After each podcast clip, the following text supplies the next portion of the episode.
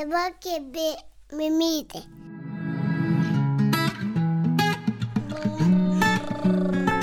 Kabo mamo.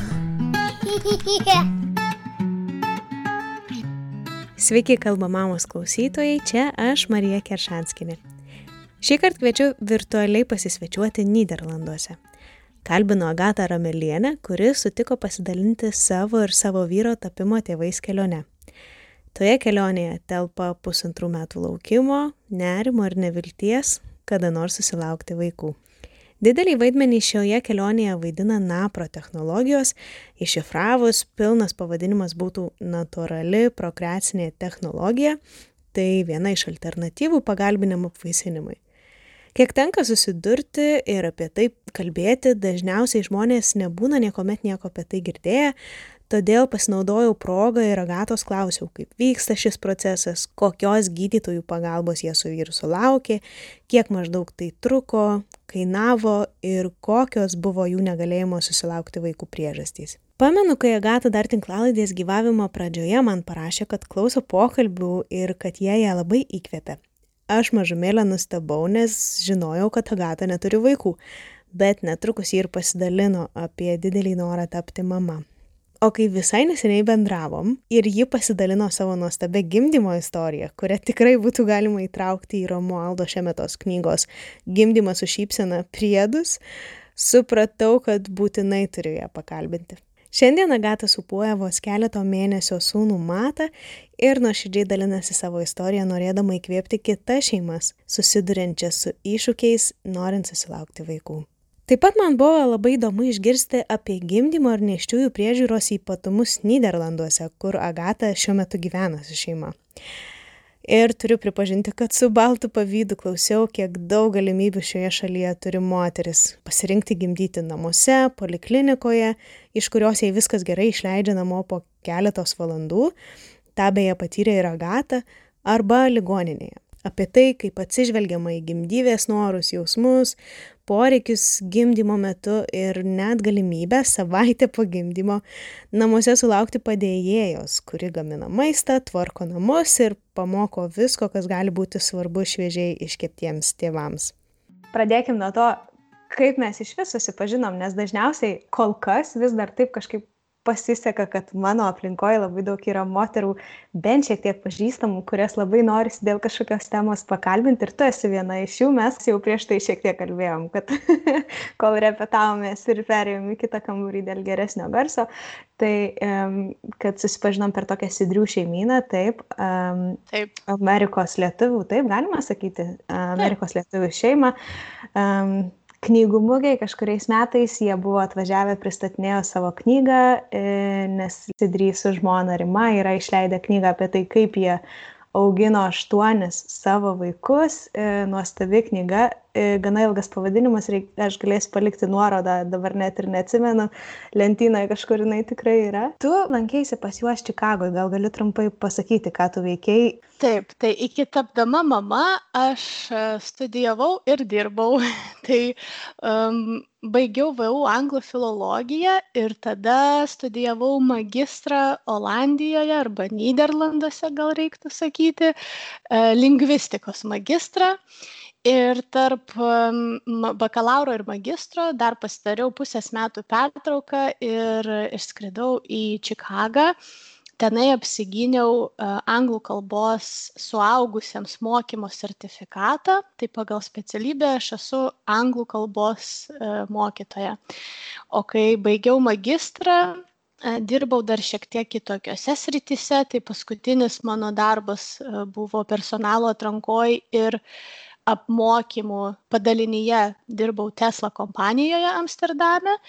Labai ir... ypatingai skamba Tesla, wow. Taip, čia man irgi anksčiau, kai kas pasakydavo, aš, tai atrodydavo kaip kažkokie, nežinau, ten uh, Himalajų kalnus žmogus įlipęs, bet iš tiesų tiesiog, man atrodo, svarbiausia kažkaip ten pakliūt, o kai pakliūni, tai jau tiesiog darbas kaip darbas.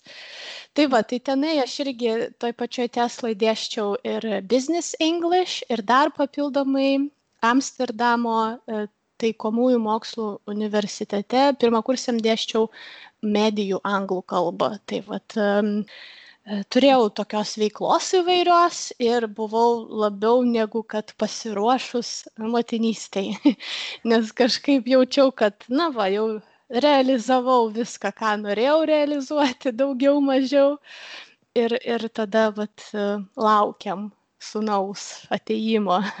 O aš žinau, kad jūsų ta šeimos pagausėjimo istorija yra gana ypatinga, ar ne? Ar tu galėtum pasidalinti? Ar aš gerai atsimenu, tu dalinaisi, kad e, ne viskas taip lengvai pavyko ir ne iš karto, kaip panorėjo, atėjo vaikas į jūsų šeimą? taip tai iš tiesų ne iš karto jisai atėjo ir palygint dabar kai žiūri tai ir ne taip ilgai užtruko susilaukti sūnaus nes tuo metu, kai jau pradė, tikrai norėjom sąmoningai jau to vaiko, kažkaip labai labai atrodė, kad, nu, va čia turi dabar taip ir iškart pavykti.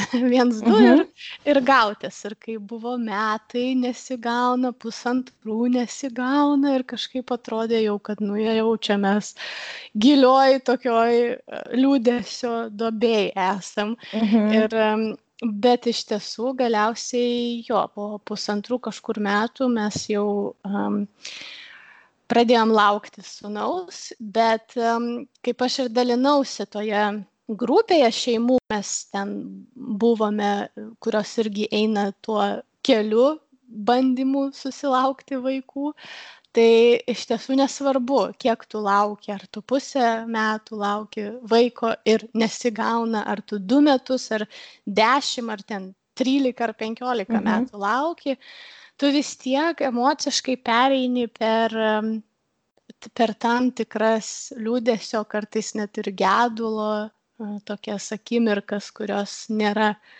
malonios ir, ir, ir jas reikia tiesiog išgyventi. Tai mhm. iš tiesų tas, tas, ta trukmė, jinai visiškai neturi jokios reikšmės, nes liudesys yra toks pat, ar tu pusę metų lauki, ar tu dešimt metų lauki to vaiko. Mhm. O kada, tu, kada susirūpinot su vyru jūs, kiek praėjo laiko ir kai, kai jau nusprendėt, kad, žinai, gal reikia kreiptis, ieškoti pagalbos kažkur? Mhm. Tai mes iš tiesų susitokėm, kai man buvo 24 metai ir tada mes iš pradžių, jau kai man 26 metai buvo, po dviejų metų mes uh, kažkaip žiūri, nu, galvom, kaip ir reiktų bandyti, bet aš žinojau, kad nebus lengva, nes kai man buvo 20 metų man diagnozavo policistinės kiaušidės. Tai um, aš jau tada žinojau, kad uh, niekada aš iš, iš esmės neturėjau reguliarių ciklų mhm. ir, ir jau mačiau, kad, kad tiesiog taip greitai nesigaus. Tai mhm. galvojom, reikia gal, man dar 26 tik metai, bet gal jau žiūrėkim, pradėkim kažko ieškoti priežasčių gilesnių, nes policistinės kiaušydės tai nėra nevaisingumo diagnozė, bet tai vis tiek sukelia daug visokiausių niuansų ir tų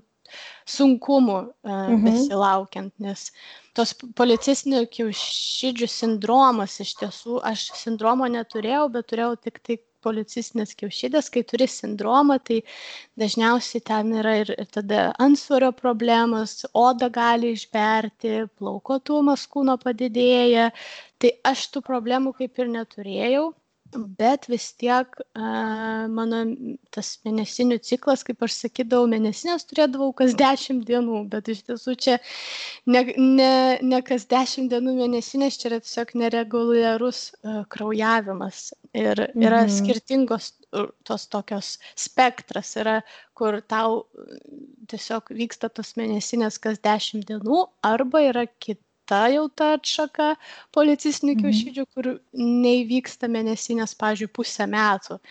Ir mhm. įvykus mėnesiniam, tai dar nereiškia, kad buvo ovulacija. Tai ir mhm. tiesiog, vat, o jeigu ir įvyksta ovulacija, tai ne visą laiką tas kiaušinėlis būna pajėgus um, būti aplaisintas. Tai vat, um, iš tiesų tas laikas man gal buvo ir skirtas daugiau susipažinti su šita, bet tokia kaip čia nežinau, ar čia jau lyga, bet nu gal ir lyga, su kuria tiesiog žmogus gyvena visą gyvenimą ir, ir turi išmokti su ją draugauti ir, ir mhm. vat, e, pažinti save labiau. Ir aš tiesiog irgi perskaičiusi daug knygų ir jo, ir filmą, ir video, viską iš tiesų gėriau į save ir bandžiau išsiaiškinti, kas čia per dalykas mhm. ir ar mums iš vis kada nors pavyks susilaukti vaikelio, bet galiausiai su gydytojų pagalba tas pavyko. Tai vat. Gerai, o tai papasakok tada, kai nusprendėt turėti vaikų, ar ne, kai kažkiek laiko nepavyko, ar tada kur jūs kreipėtės, ar jūs iš karto kreipėtės į NAPRO technologijų specialistus, ar Ir kodėl, pavyzdžiui, man įdomu, kodėl jūs nusprendėt, tarkim, ne, ne pagalbinio apvaisinimo būdu, ar ne, kuris yra, manau, daug kartų populiaresnis negu NAPRO technologijos, kurios yra apipintos įvairiausiais mitais ir būtų labai įdomu vat, išgirsti iš pirmų lūpų, kaip, kokia jūsų buvo kelionė, ar ne, ir kaip ten viskas vyksta. aš atsimenu olandijoj nuėjau pas šeimos gydytoją ir kažkaip sakau vat norim susilaukt vaiko bet nesigauna ką daryt. Jinai mhm. sako metus pabandykit patys. Tai visą laiką išgirsti tą atsakymą kad metus turit bandyti patys. Ir mes taip ir darėme bet kai tas nepavyko aš tiesiog kadangi sekiau save pagal tuo metu sekiau pagal kaip jis ten siptoter simptoterminį metodą kai seki savo kūno temperatūrą mhm. aš mačiau pagal savo ciklus kad tikrai yra kažkoks disbalansas ir atsimenu kai su drauge palygindavom savo lentutes kūno mhm. temperatūrų atrodydavo nu pas mane tai išvis ten rokenrolas ten kalneliai amerikietiški o pas draugę tvarkingai taip duobutė mhm kalniukas, duobutė kalniukas.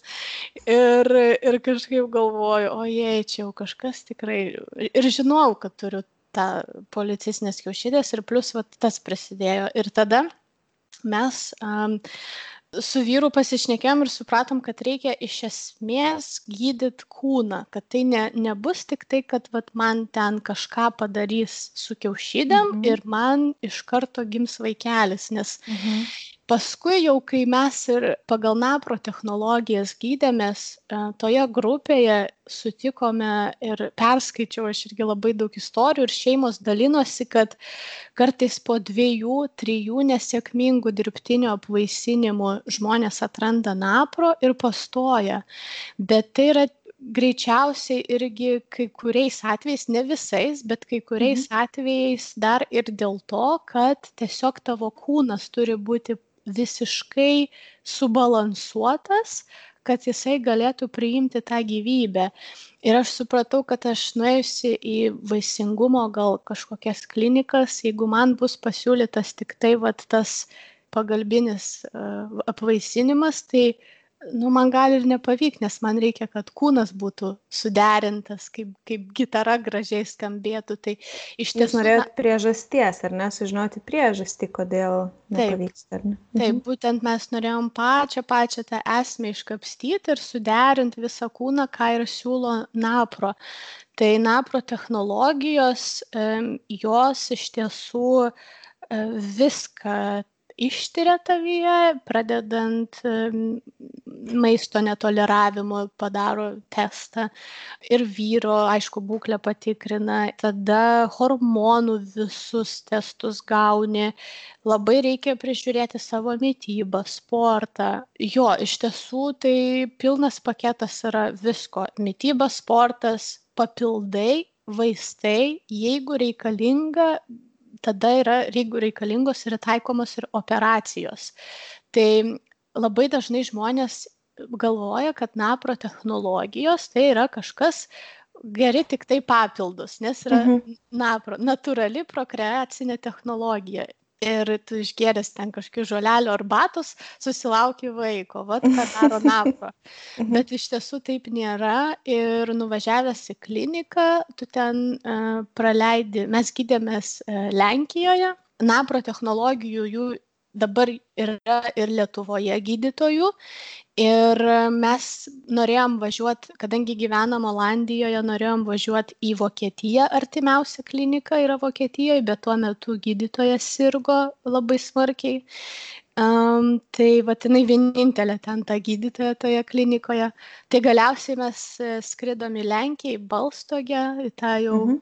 Uh, meką mhm. Napro, nes Balstogėje yra klinika, kur gydytojai turi ten 25 ar tai 30 metų patirtį ir gydo poras ir ten daugiausia lietuvių važiuoja.